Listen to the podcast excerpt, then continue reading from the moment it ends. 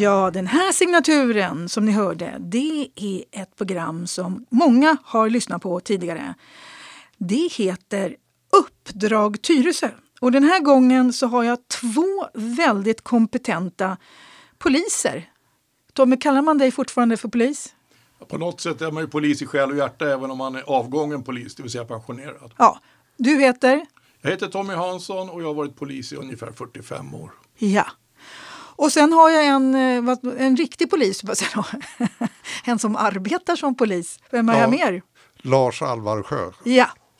Och det är faktiskt så att vi har gjort 57 program i den här serien och vi började 2014. Och det var så här att eh, Lasse, du kom med 2015. Ja, det stämmer det. Och det var ju då jag hade min artikel som blev publicerad i Svenska Dagbladet. Ja, och jag känner mig så lite alltså, inspirerad. Du kom ut som den vettiga polischef du var, är och var och vågade tala om hur läget var inom polisen. För 2015 var det inte lätt att göra sin röst hörd.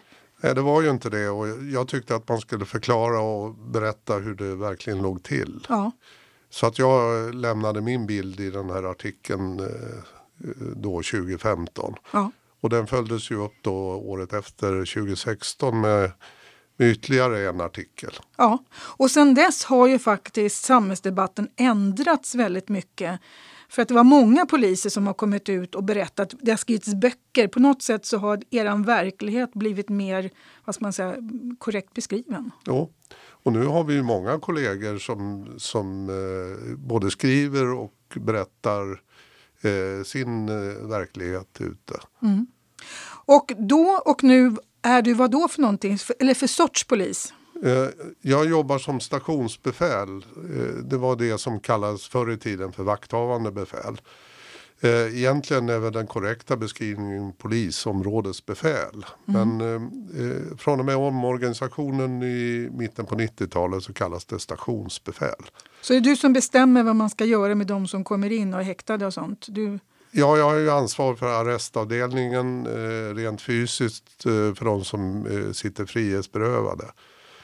Och sen har jag ju ett övergripande ansvar eh, över polisområdet som eh, Stockholm syd är ju hela södra länet i stort sett. Mm.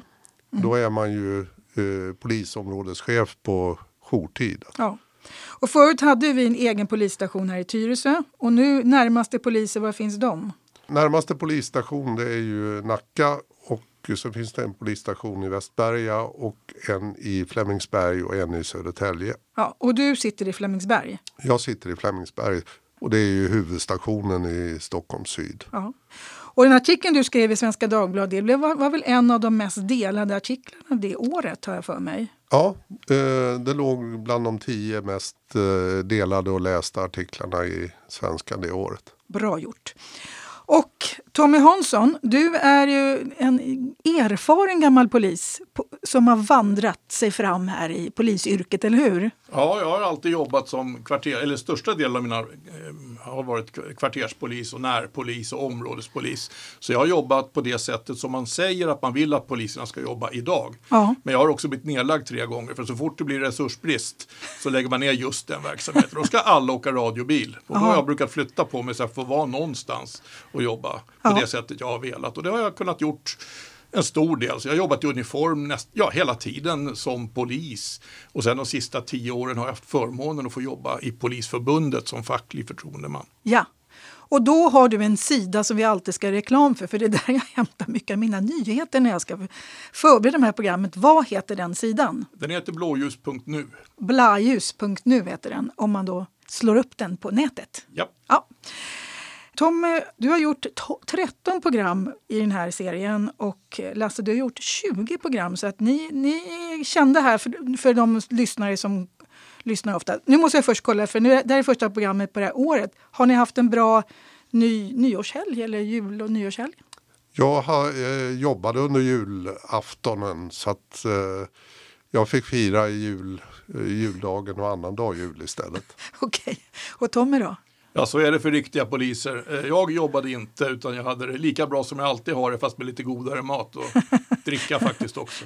Ja, och Tommy, du har ju börjat titta på den här nya serien som SVT sänder som heter Tunna, tunna blå linjen. Heter den, va? Ja, Tunna blåa linjen Jag tror jag den heter. Ja, så- det är ja. lite roligt. Ja, precis. Jag har faktiskt sett de första två avsnitten igår kväll. Min fru frågade mig hur kan någon vilja vara polis när hon såg det. Till och med hon Ja, hon, re- hon reagerade ganska kraftigt på eh, allt det elände som poliserna möter i, sin, i, i sitt arbete. När någon annan ehm, samhällsinstitution misslyckas, när det, är, det kan vara sjukvården, psykvården, socialtjänsten, när någonting inte funkar eller när det är så mörkt så de inte jobbar liksom, eller så långt utifrån deras institutioner, ja då är, hamnar det ju, eller Migrationsverket för den delen. Allt detta hamnar ju någonstans till sist på poliserna. Och det handlar om polisen nere i Malmö också va? Ja, det gör det, men jag, jag tror att hon som har skrivit den har tagit väldigt mycket inspiration även från Stockholm. Jag har läst att hon har ju följt YB Södermalms Twitter. Jaha, De okej. har nämligen inte fått åka med i polisbilar för vi har ju policy mot det så vi tar inte med studiebesök så Nej, mycket tyvärr. nej, Eh, Jag tycker det är jättebra när vi öppnar och vi gjorde så förr i tiden men vi får inte göra det längre. Mm. Och då har hon istället valt att läsa och inspireras av YB Södermalms Twitterflöde och det finns ju knappt något bättre sätt att få inblick i polisernas vardag. Så det, det är alltså en serie du skulle kunna rekommendera om man vill förstå polisers vardag? Man kan säkert ha många synpunkter på det för det är ju såklart dramatiserat och så har man då gjort hu- huvudpersoner som är väldigt olika karaktärer. Men faktum är ju att alla poliser är ju också olika. Och samtidigt så är det ju inte en polis eh, som det är i polisserier, att det är en polis som heter Beck eller någonting som löser allting. Utan, utan poliser är ju ett lagarbete. Och, då är det ju, och det visar de väldigt bra i den här serien. Att trots att alla är så olika och trots att de inte ens tycker lika alltid och inte ens, eh, kanske ens tycker om varandra alltid. Eh, så, så jobbar de tillsammans mot ett högre mål och det är att, att försöka mm, komma till rätta med, med oordning och brottslighet så gott de kan. Och så räcker de ändå aldrig till. Nej. Men det var intressant. Varken jag eller Lasse har hunnit se på den här serien ännu. Nej, men det är positivt om man har en polisserie som visar lite verklighet. Ja. Har du någon annan sån tv-serie som du känner? För väldigt mycket av de här polisgrejerna är ju väldigt mycket fiktion. Ja, Jag tittade på den här eh, skånska serien Jakten på en mördare tror jag den hette. Eh, som jag upplevde som väldigt bra. Den visar ju eh, utvecklingen inom polisen sedan tidigt 80-tal och framåt. Mm. Ja, men vad bra. Har vi lite tips här för alla som jobbar hemma och lägger ner väldigt mycket tid på att kolla på skärmar. Nu ska vi ta lite såna här lokala saker för att eh, det är lite, lite så här nyhetstorka över jul och nyår när man ska läsa så allting kommer inte in i tidningar och nyheter. Men man kunde läsa att eh, på juldagen så var det ungdomar som hade kastat snöbollar mot en bilförare som på grund av det var nära att köra av vägen. Är det sånt som också polisanmäls? Det förekommer ganska ofta under vintertid. Eh, och det är ett jädra oskick egentligen för det kan ju bli väldigt allvarliga Ja. olyckor. Är det, är det ofta yngre ungdomar Ja, som inte det- fattar bättre? Det brukar ju vara det. Ja, ja precis. Man ska Det- säga det att det, man, man ska ju inte säga att man är glad men man får vara glad att de inte blev beskjutna till och med. Och, och jag menar, det har ju förekommit även stora stenar från gångbroar. Ja. Och det är ju trots allt snäppet värre. Det innebär inte på något sätt att jag försvarar den här Nej. snöbollen på något sätt. Men Nej. jag ska säga det att när jag själv gick på 1960-talet i Kumla skola så förekom det att i backen ner där brukar det bli isgata och då stod en del elever och kastade snöbollar på bilarna och då brukade de väja till tillräckligt mycket för att de skulle börja snurra och då var det jubel tyvärr bland alla eleverna. Du Ja. menar, det kan ju få, ja, ja. få väldiga konsekvenser. Och det, de brott som det kan bli fråga om det är ju bollande till kroppsskada eller framkallande av fara för annan. Mm, Så det är ju inte bara ett liksom, ungdomligt busstreck. Nej, bara, precis. Och, för, och det, det man har läst om också så här, man har använt laser mot, alltså, så att bländat polis, poliser också Ja. och blåljuspersonal. Men nu är, finns det en lag att man inte får ge sig på blåljuspersonal va? Ja, det, det har ju funnits andra eh, lagar mot det hela tiden. Nu har man bara en särskild lag med lite hårdare straffsatser som heter sabotage mot blåljusverksamhet. Ja. Och man har väl dömt en, hur många var det? 30 st- 20-30 stycken i år. Jaha, det var ju bra. Har man, har I- ja, förra året menar jag, Ja, för, 2020. ja 2020. Ja, Förlåt. 2020, ja precis. Och det, det blir ju ganska kännbara straff på de där brotten. Det är ju flera stycken som har blivit dömda till fängelsestraff. Jaha, och lite okej, längre ja. fängelsestraff faktiskt. Ja, men det känns ju som en bra grej tycker jag i alla fall. För att inte nog med att man ska försöka liksom, eh, sköta det man ska göra, dessutom ska man liksom bli, riskera livet på det viset. Ja. Mm. Sen var det ju också någonting väldigt allvarligt som hände den 11 januari. Då var det en kvinna som på en måndags eftermiddag blev rånad på sin bil i Bollmora. Hon tvingades av sin bil.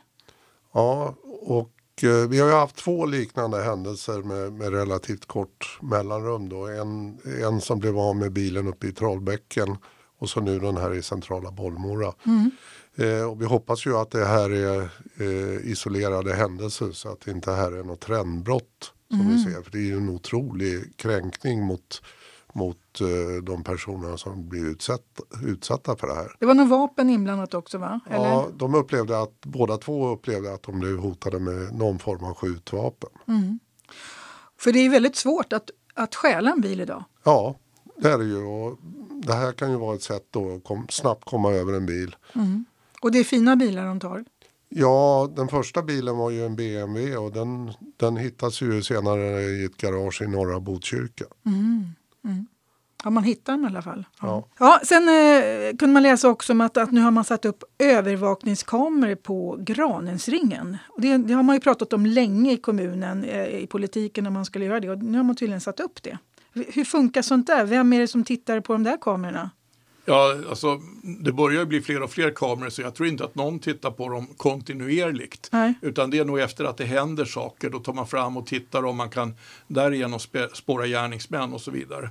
Man har ju börjat kalla dem där, de brukar inte kallas övervakningskameror längre utan som vanligt när man vill införa någonting så vill man hitta bättre namn och då kallar man det oftast trygghetskameror.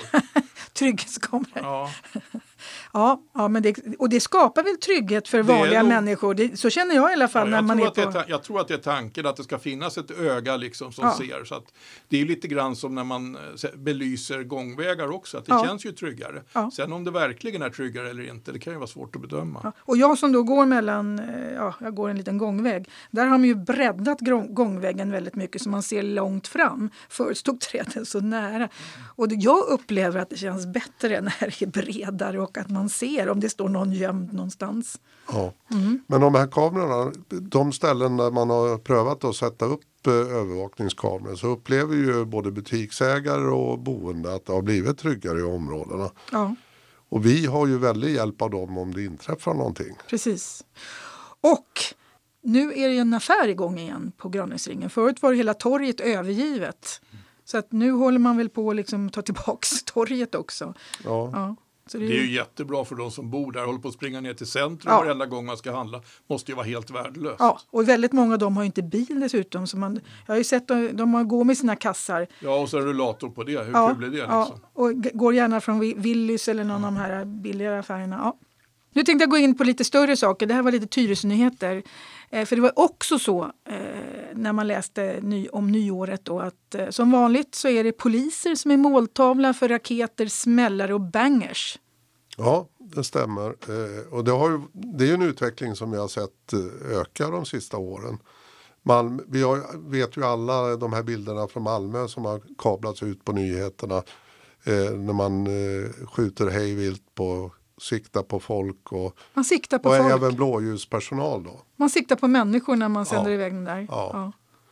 Eh, och det här är ju någonting som vi ser även här i, i Stockholm och även i Göteborg. Mm. Och även på andra ställen. Har ni haft några poliser som blivit skadade?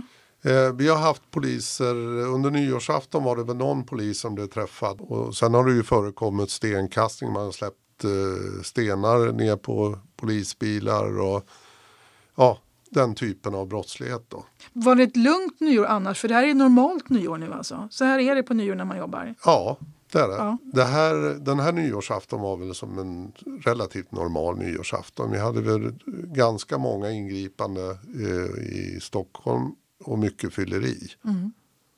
Men, men, men Tom, jag tänkte så här. Ni- båda ni har jobbat länge. Liksom.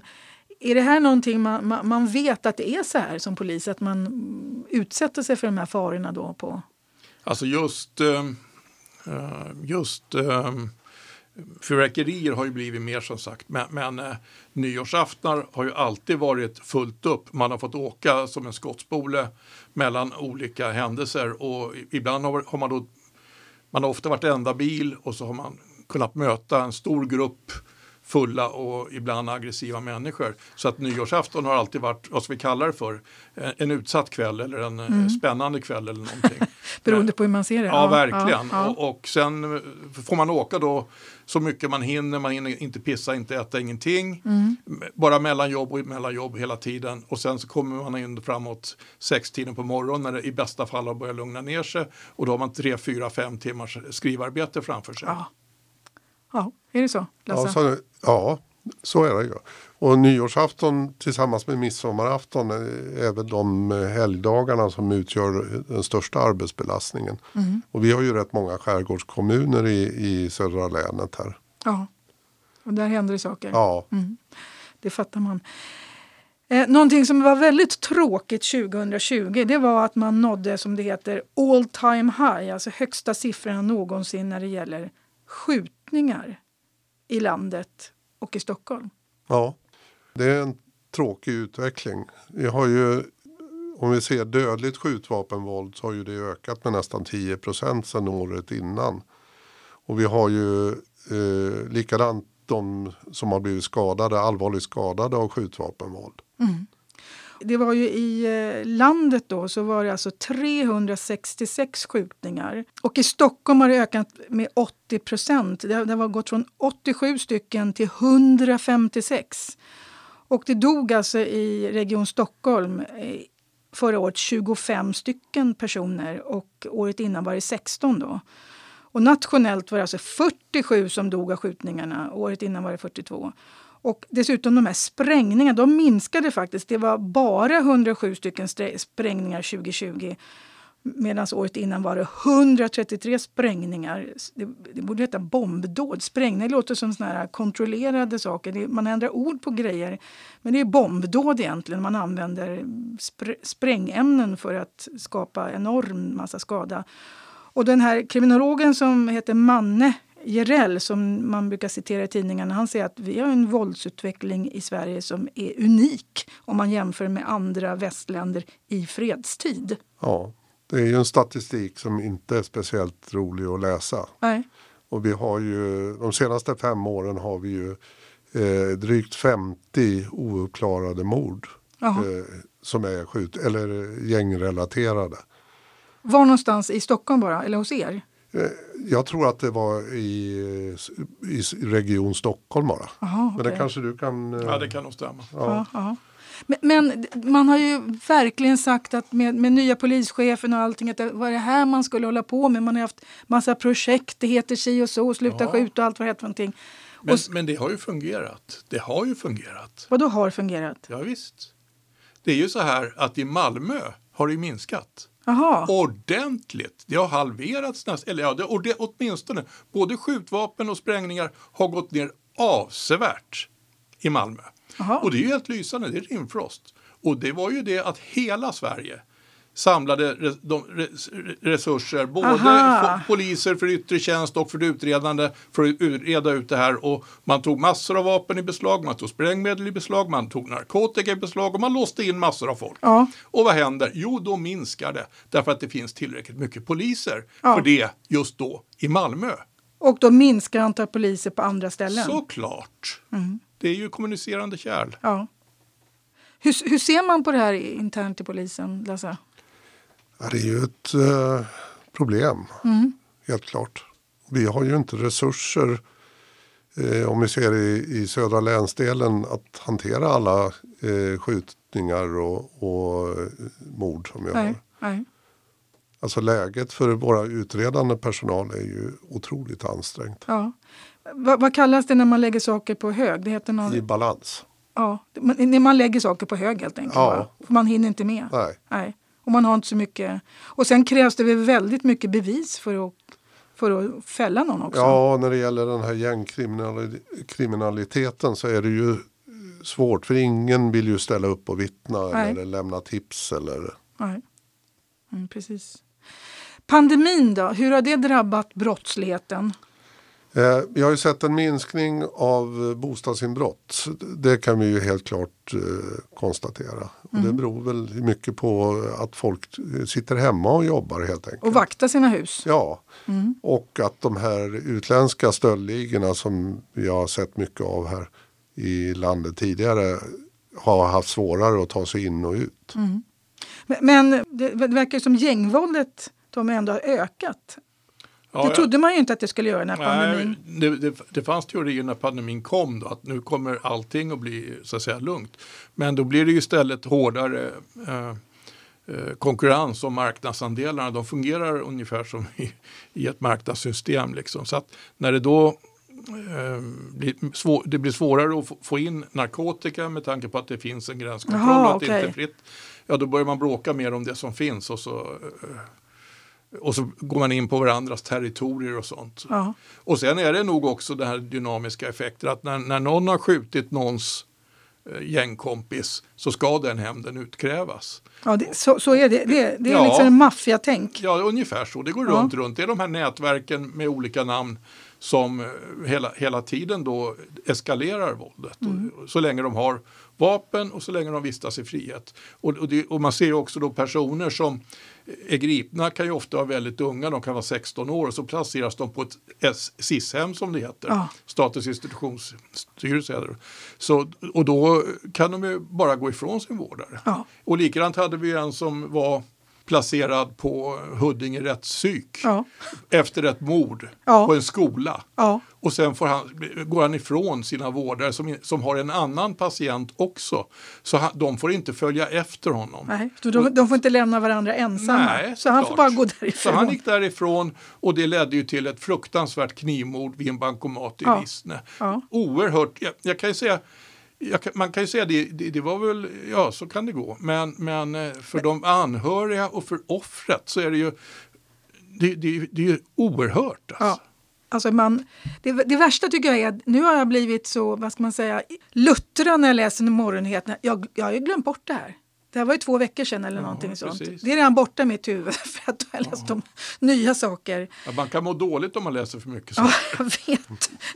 Och ändå sitter du och tittar på en tv-serie som heter Tunna blåa linjen. Så att du, Jo, jo, du, att, att, man ska må lite dåligt också. Jag är ju van vid det så efter 40 år som ja, polis. visst, du kan inte bara vara bra som pensionär. nej, Nej, nej, nej, nej. nej. Nej, man har ju hunnit blivit lite miljöskadad.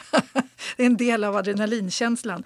Men annars, hur har pandemin påverkat er, er internt hos polisen? För att det här med hålla avstånd, jobba hemma, hur ska det funka? Det är ju väldigt svårt just det där med att hålla avstånd till de vi ska ingripa mot. Ja. Eh, Oftast så har man ju ingen förvarning heller utan man hinner ju inte sätta på sig någon skyddsutrustning eller, eller sådär. I övrigt så är ju de som har administrativa arbetsuppgifter de jobbar ju hemifrån precis som på de flesta andra arbetsplatser. Men det med säkerhet och sånt är ju inte så himla lätt i hemma. Poliser har ju liksom, det, det är inte bara att sitta och koppla upp sig hur som helst. Ofta, vissa yrken kan ju inte jobba hemifrån på grund av säkerhetstänket när det gäller IT-säkerhet. Nej, men vi har ju speciella krypterade... Ni har det? Ja. Så det är klar, ni klarar att jobba Vi, hemifrån? ja. Vad bra. Eh, och sen, eh, vi har ju klarat oss rätt bra från, från att ha någon större smittspridning eh, på arbetsplatsen hittills. Tack Har, och lov. har, har ni några poliser som har blivit sjuka, allvarligt sjuka? Ja, det har vi haft. Mm. Men det är ändå en väldigt låg procentandel eh, mot vad vi befarade från början. Ni, ni är som många andra yrkesgrupper som möter mycket folk. Ni har motionerade immunförsvar. Ja, Ni är van att träffa på. Jag, jag känner ju en kille här i Tyresö som nästan är uteliggare. Eh, och han lever ju vidare trots att han sitter och byter flaskor med folk sen, dricker samma flaska. Så jag brukar fråga honom när jag träffar honom, för han ropar i centrum. Du, har, du är frisk. Ja, på mig biter inget! Och jag tror att det är rätt alltså. Det, han, han, han är van att handskas med mycket. Han är inte direkt ren. Och man, han, honom håller man avstånd till av naturliga skäl. jag förstår. Men, men det är också jättekonstigt att människor som jobbar i affärer, som jobbar i skolan, alltså de som är vana jobbar med mycket folk. Min, min mamma var ju lärare, hon var ju aldrig sjuk.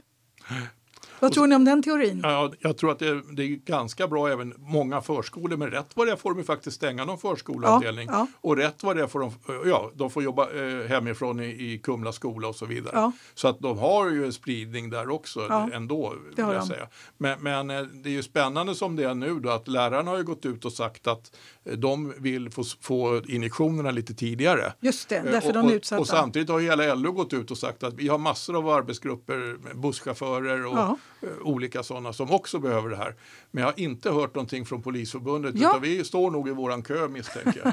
ja. ja. men hur, hur, hur, hur, ser man då på rädsla och fara och bli sjuk och smittad? För att inte bara när aids kom, då vet jag att då, liksom, det, det, var ju också någonting, eller gulsot och alla de här sakerna som har kommit. Då har ju ni fått handskas med människor. Ja, naturligtvis kommer det väldigt mycket frågor från personalen hur de ska hantera olika mm. situationer. Och det är ju svårt uh, i och med att vi, vi kan inte gå runt i skyddsutrustning hela tiden. Nej. Och oftast är det ju för sent. Vi står inför fullbordat faktum när vi väl skulle behöva den. Men sitter ni med munskydd och visir nej, och sånt? Nej. nej. Ja, nu kommer vi till den mest kontroversiella frågan egentligen här. Det är den här lönesatsningen. Om vi först har den, den som kan mest fackligt. Hur går det till när man fördelar 360 miljoner fick man? Ja, det finns ju olika sätt såklart. Och det, mm. det, normala det är ju att man har en förhandling med facket och den förhandlingen kan ju ta rätt lång tid. Det kan ta månadsvis faktiskt. Ja, jag brukar göra. Eh, och sen så kommer man överens om att i år ska vi satsa på de här grupperna eller på de här funktionerna. Eller så ska vi fördela det efter duglighet och eh, förmåga och sådana saker. Mm. Och så har vi gjort historiskt sett. Eh, vi har ju haft i-lön inom polisen i 20-talet år. Vad sa du att det hette? Individuell lönesättning. Aha, okay. Och det är just det här att arbetsgivaren vill tycka att den här personen presterar inte så bra, den ska bara få hälften. Och sen så den här personen gör ju jättemycket bra saker, den ska få 100 kronor mer än den andra. Ja, fast vi har ju haft det så att några gånger har det kunnat handla om att de duktiga har fått 1500, Jaha, de som okay. har varit hyfsade har fått 800 Jaha. och de som har varit lite sämre än så har fått 600. Och är du då en som inte anses prestera och, eller göra det du blir tillsagd, ja då har du fått noll till och med. Jaha, ni, har, ni har haft så? Ja, så har vi haft. Mm. Och sen så har vi även haft det så att om du har varit chef och så går du ner och blir vanlig polis, då får du mindre pengar. Aha! Ja, får, du får, du sänkt lön då också? Nej, inte sänkt lön. Nej, men men får, i löneökningen blir lägre, du får så kallat väl hävdat löneläge. Ah, okay. Så sånt här har vi jobbat med i alla ja, länge, 20 ja, år åtminstone. Ja. Innan dess var det ju lönegrader och, och, löneklasser. Och då, och då spelar det ingen roll vad man gjorde, man kunde Nej, sitta på sin häck. Ungefär, och då fick man 200 kronor i löneökning varje år tills man gick i pension. Och, och då var alla nöjda för då fick ju alla lika och visste vad man skulle få. Så att här individuella lönesättningen har ju funkat lite både som morot och piska och den som blir tillräckligt piskad kanske blir lite bitter också. Och den här gången blev det inte så att man pratade med facket. Nej. Vad gjorde man med de här 360 miljoner? Det låter väldigt mycket som pengar. Men det... Man beslutade ensidigt hur dessa skulle fördelas. Då. Det mm. innebar att 40 procent av personalstyrkan fick och somliga fick väldigt mycket. Det blev ju alltså ett påslag på 3 000 kronor på månadslönen. Och retroaktivt va? Och retroaktivt en stor summa pengar som trillade in. Mm. Och de som, fick, de som fick det, vilka blev det? Ja, det var lite blandat. Vi hade gruppchefer som i stort sett enbart jobbade med administration som fick. Mm. Medan eh, utredare på kriminaljouren, eh, vi som stationsbefäl fick inte ett enda öre. Men vilka, var, vilka skulle man ge det till? Alltså yttre tjänst? Ja, man skulle ju eh, satsa på dem, eh, till exempel på yttre tjänst, eh, på jourutredare eller de som jobbade på jourroten för att liksom eh, rekrytera, kunna rekrytera mer folk, att mm, göra det mm. till en attraktiv arbetsplats. Eh, lönemässigt. Vad handlar det då om om man jobbar i yttre tjänst? Vad tjänar man då som polis om man ja, åker ju, radiobil? Det, det, fick alla som åkte radiobil? Nej, utan det var vissa poliser som fick Eh, och det var väl företrädesvis de som utgick ifrån de här särskilda utsatta områdena. Och vad, vad, vad handlar det om? Vad tjänar en sån polis? Ja, jag vet inte vad deras löner... Runt 30 000 kan man nog säga. Ja. Att de flesta tjänar. Det, bör, det börjar ju någonstans runt 28 och sen är det att eftersom jobbet är ganska hårt och tufft så är det rätt så många som söker sig därifrån sen och, Ja. och söker andra tjänster. Men de som har jobbat länge kan ju tjäna både 30 och 35 000. Men problemet eh, med ett område som vårat då som sträcker sig över eh, södra länsdelen så det ju, består ju det av flera olika polis, eller lokalpolisområden. Och alla de här poliserna i yttre tjänst i de här lokalpolisområdena kan ju åka in och jobba i ett eh, utsatt område. Just det. Så att oavsett om du utgår ifrån ett utsatt område eller inte så, så jobbar ju alla med samma saker och möter samma, samma personer så att säga. Men, men då gav man det till vissa, 40 procent av personalen och 60 procent av personalen fick ingenting alls. Fick inget alls. Och hur reagerar då ni som Ja, inte fick någonting? Jag kan säga utan att överdriva att det jäser bland poliserna. Ja. Otroligt stort missnöje. Man upplever det här som otroligt orättvist fördelad re- resurstillskott. Liksom. Men vad har ni för chefer som inte fattar sånt här? Nej, det kan man fråga sig för det här misstaget har man ju gjort många gånger förut. Ja. Eh, och istället då för att öka attraktionen till polisyrket så gör man ju tvärtom. Man skapar ju väldigt mycket split. Det var samma sak förut när lärarna hade också en sån här konstig grej. De gjorde såna här överlärare. När någon lärare skulle få 5 000 mer än alla andra. Eller var det 10 000? Jag kommer inte ihåg. Ja, förstelärare, Förstelärare jag, tror att de, jag tror att de hade 4-5 tusen. ja. Fick de Och det skapar ett ju bräde. också väldigt... Det, det var väl också en väldigt... Ja, ja, det, det, det, skapade var, bara osämja. det blev ju tyst i lärarrummet när den kom in. Då. Ja. Ja. Och jag tror att regionpolischefen har ju nog insett det här för han har själv eh, sagt att det här blev nog inte så bra. Aha, okej. Och det kan vi väl hålla med om. Ja. Ja, Det, är ju ett lagarbete det här, alltså polisarbetet. Och, och de, de yttre tjänst, de klarar sig ju inte utan spanare. De klarar sig inte utan hundförare. De klarar sig inte utan kriminalpoliser. Dessutom är det så att alla poliser måste vara beredda att göra lite av varje. Så den som är krimmare idag kan vara i yttre tjänst imorgon. Och då får han minsann inga pengar av det här. Utan det, och, och den som är, k- är ute idag och får de här 3000 kronorna, i övermorgon kan den bli inkommenderad till, till en, och hjälpa till i en mordutredning. Ja, då får han ju behålla pengarna.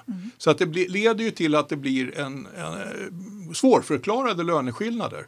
Och, och eftersom det här är ett lagarbete så gynnar det inte samverkan. Det är ungefär, Nej, det, är inte, det är inte alltid som landslaget blir bättre för att Zlatan kommer ungefär. Nej. Det borde vara så, men det är inte självklart. För en lagmaskin kan vara större än de enskilda delarna. ja, precis. Och har vi de här oskäliga löneskillnaderna så är ju, upplever ju 60 procent av personalen det här som ett slag i ansiktet.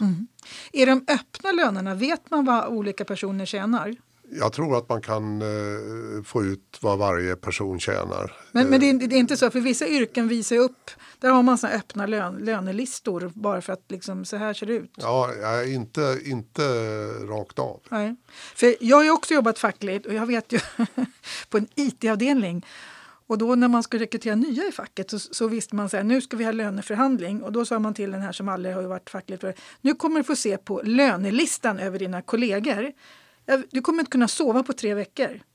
Därför att du kommer uppleva det, det du tror att den som tjänar mest är inte den som tjänar mest. Och den du tror tjänar minst är inte den som tjänar minst. Och när du tittar på dina kollegor så kommer du upp, för, för i en IT-bransch där kan en tjäna 10 000 mer än, än kollegan bredvid och ingen vet vad de tjänar. Det beror ju på massa konstiga saker. Och det stämde. Och när killen som kom in han sa så här Sen, när jag gick med i facket och fick se lönelistan, nej, orättvisan är total. Det var ungefär som om de hade kastat upp lönerna i luften och så hade de bara random ramlat ner på olika människor. För det fanns ingen logik, tyckte han, i det här som man såg. Och det är det som är så jobbigt med det här, tycker jag, med löner. Att det- någon ser. Så att det, det kanske har varit... Titta på dig, Tommy. Det måste vara väldigt svårt det här med rättvisa löner. Absolut. Eller, det är nog värre än svårt. Jag tror att det är omöjligt. Ja. Att få, för vad är rättvisa? Ja. Det, det är ju liksom en, en eh, filosofisk fråga. Just det. Eh, eh, Utan det bygger ju mycket på vad chefen uppfattar att man presterar. Och då kanske det är viktigare att man syns ibland på polisstationen och, och säger kloka saker när chefen lyssnar. Just. Än, än att man är ute och grottar runt i en radiobil eller vad man gör för någonting. Mm. Då kanske man inte syns alls på polisstationen. Chefen tycker att det där, den där ser ju aldrig till, den gör nog inte så mycket nytta säkert. Exakt sådana grejer. Så det kan vara, och, och sen tror jag på den privata sidan så tror jag det beror på när man blir anställd Ja. och, vi, och hur stor den budgeten var då. Just det, och vad man kommer in med för ingångslön. Precis, och, och, och sådär. Men, Mm. men jag vill bara säga det, de här 360 kronorna, 360 miljoner. 60 miljoners Nej. kronorna som gav 3000 till en del poliser. Ja. Precis. Eh, de var ju tillsatta särskilt av, av politikerna genom politiska beslut för att försöka få färre poliser att lämna yrket och fler poliser att vilja bli poliser. Och det fick motsatt effekt. Ja, men, men det är ju det som är så sorgligt därför att nu gör man ju samma sak igen. Mm. Nu kommer det nämligen 360 miljoner till nästa år, men då har man satt sig ner och då har man sagt det. Nu ska vi göra en genomgång av de gamla lönerna och sen ska vi prata med facket och vår målsättning, vår a letter of intent som det heter. Vår målsättning är att vi ska ha en vanlig ordentlig fördelning av de här pengarna. Men då kommer vi bli tvungna att förmodligen att sätta en del pengar för att rätta till begångna misstag. Och, och under tiden så har ju då missnöjet ökat och så kanske nästa gång, för det kan jag tala om, Ja. att den som har fått 3000 kronor, den glömmer ganska fort det. Ja. Den vill gärna ha lite till igen. Ja, det, ja, så är det också. Och det fick Ja. motsatt effekt alltså. Ja. Politikerna kommer inte se att, folk, att man stannar kvar. Hur tänker du Lasse? Nej, jag ser ju det. det jag sa ju att det jäser bland Mm. eh, många poliser och det är många som funderar på att sluta eh, och ser sig om efter andra eh, arbeten. Själv så eh, tänker jag inte jobba kvar till jag är 65 utan eh, så fort som möjligt kommer jag gå ner till deltidspension och sen avsluta min tjänstgöring när jag blir 63. Och Lasse, du har ändå sagt varenda program när jag frågat dig. Du har ett väldigt roligt arbete. Du trivs med ditt arbete. Ja, men eh, när arbetsgivaren inte värdesätter det jag gör Ja. då, då tycker jag att då, ett, då kan jag tillbringa min tid med något Roligare. Som, ja, som ger mig något eh, mer personligt. Eh, till faktiskt. exempel två barnbarn. Ja, exempelvis. Exakt, sett fina bilder på det. Ja, det här med lön till poliser och sånt. Det är, jag, jag fattar ju inte heller hur det här med när Sverige bara pumpar ut miljarder i coronasatsningar, att det här med polisen och polisens löner fortfarande är en fråga. Att man inte kan se till att poliser, som ändå är väldigt viktiga i det här sammanhanget, tjänar bättre. Ja, alltså, det, det är ju det att det, det är ett fackligt sammanhang också. Så att jag menar, förmodligen så finns det ju då kanske socionomer som också gör ett väldigt arbete. Ja. Och, och lärare har ju fått ett visst lönelyft i och för sig men tycker kanske fortfarande att de inte har så bra betalt. Så, så, för att inte tala om sjuksköterskor Ja, och undersköterskor, ja. Som, som ju är, verkligen, och framförallt undersköterskorna är oerhört underbetalda kan man säga. Eh, Men, men å andra sidan är ju de jättemånga. Vi har bara styvt 20 000 poliser så att lyfta polisen skulle vara en rätt billig åtgärd. Ja. Och det skulle ju naturligt, alltså det rätta hade ju varit att gjort det 2015 Ja. när man gjorde omorganisationen. Därför att vid det tillfället så var det jättemånga poliser som lämnade verksamheten som tyckte att nej, det här, nu kommer jag få göra andra saker, jag kommer att få förlora mina kompisar som kommer Ja. att placeras på andra enheter och då, by, då slutar jag nu eller, och byter jobb eller, eller, eller går i pension. Mm. För det var en stor puckel som kom där faktiskt. Eh, och det hade man kanske kunnat förebygga. Men då sa man det att den här omorganisationen ska inte kosta någonting. Nej. Och då hade vi duktiga chefer som sa att det fixar vi. Just det. Precis så var det faktiskt. Ja. Och, det- och den här utredaren man hade sa att för att den genomföra den här omorganisationen på ett bra sätt så skulle man behövt två miljarder till tror jag han hade sagt. Va? Ja, nu ska vi se. Det var, jo, det var, stämmer. Ja, ja. Det, det, det var omorganisationskommittén. Ja, Ja. och nu har man kommit på det långt senare. Att, just det. Och istället för att ha poliser som är synliga, vi hade ju två stycken vandrande poliser här i Tyresö, har vi inte sett poliser någonstans ut, utom när de åker med helikoptrar eller blåljusutdrag. Men man ser inte den här liksom... Men nu ska jag tala om så här. Vi har för första gången i vårt liv kommit in i en poliskontroll när vi åkte med släpkärra från Härjedalen. Och precis då hade min man, han låg där, inte på 80 som han ska, utan det låg lite över, inte alls mycket. Och så, när han såg den här polisbilen så tänkte man, sig, vad står den här för? Men då kom de efter oss och så vart vi inkallade.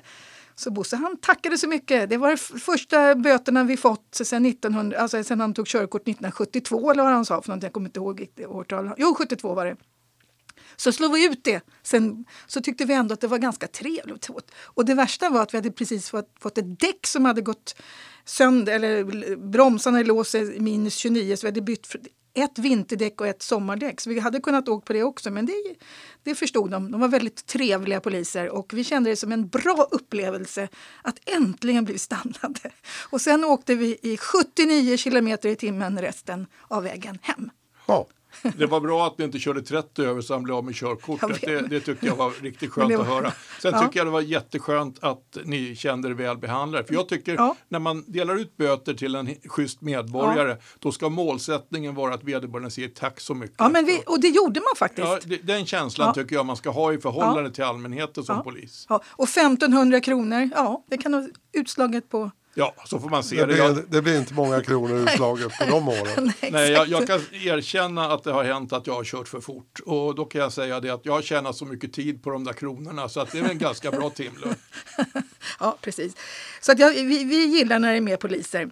Så att eh, sista punkten då, ökar antal poliser trots att man nu har satsat jättemycket på både löner 710 nya poliselever har antagits till Polishögskolan vårterminen 2021. Det är inte ens fullt.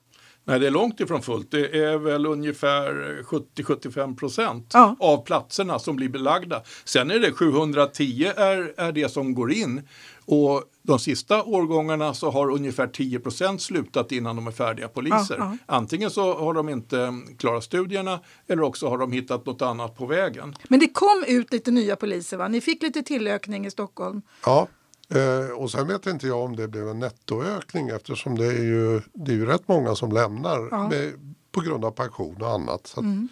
eh, Känns det som ni blir fler?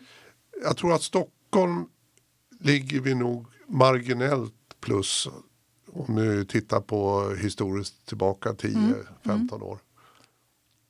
Men känns det som det håller på och växer? Eller, alltså hur, förutom det här löne, fullständiga galenskapen med lönerna, känns det som att... Ja, lyckas man fylla platserna på polisutbildningen och det kommer ut eh, den här kadern eh, ett antal år framåt, då, då borde det ju märkas eh, att vi blir fler. Mm. Mm matematiskt så, så går det uppåt jämfört med eh, med eh, de lägsta nivåerna som var ju efter 2015. Jämför man med 2015 så ligger Stockholm nu ungefär jämnt upp.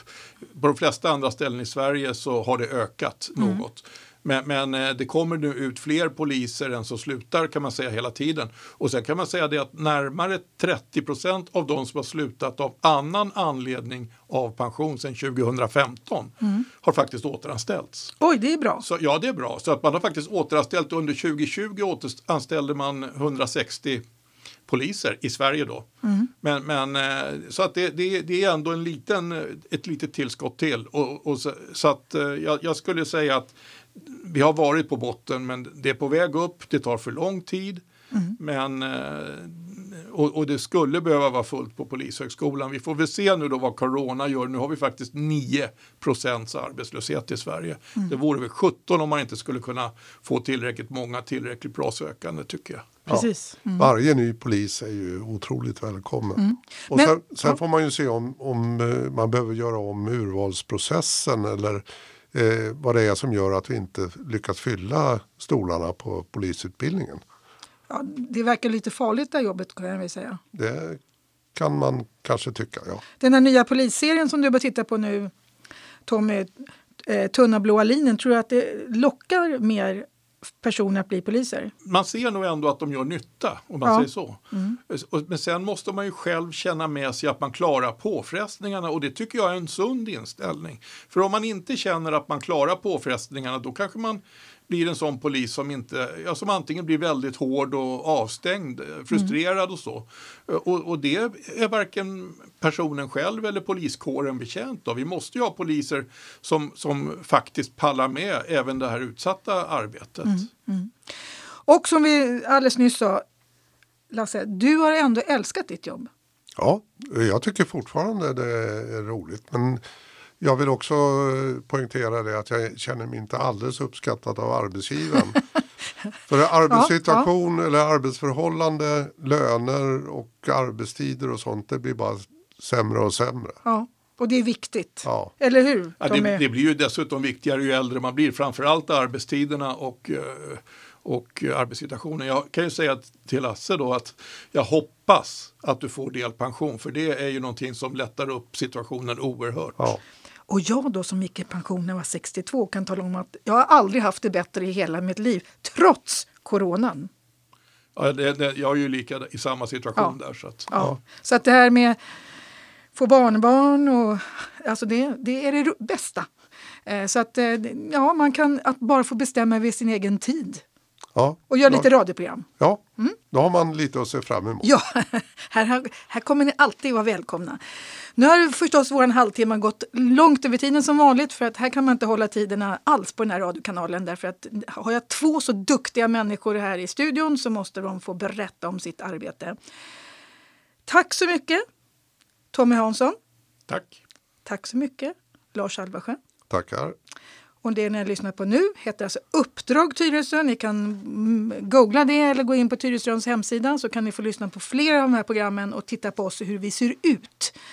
Och jag som har eh, varit programledare heter Ann Sandin Lindgren och lyssnar på Radio Tyresö 91,4.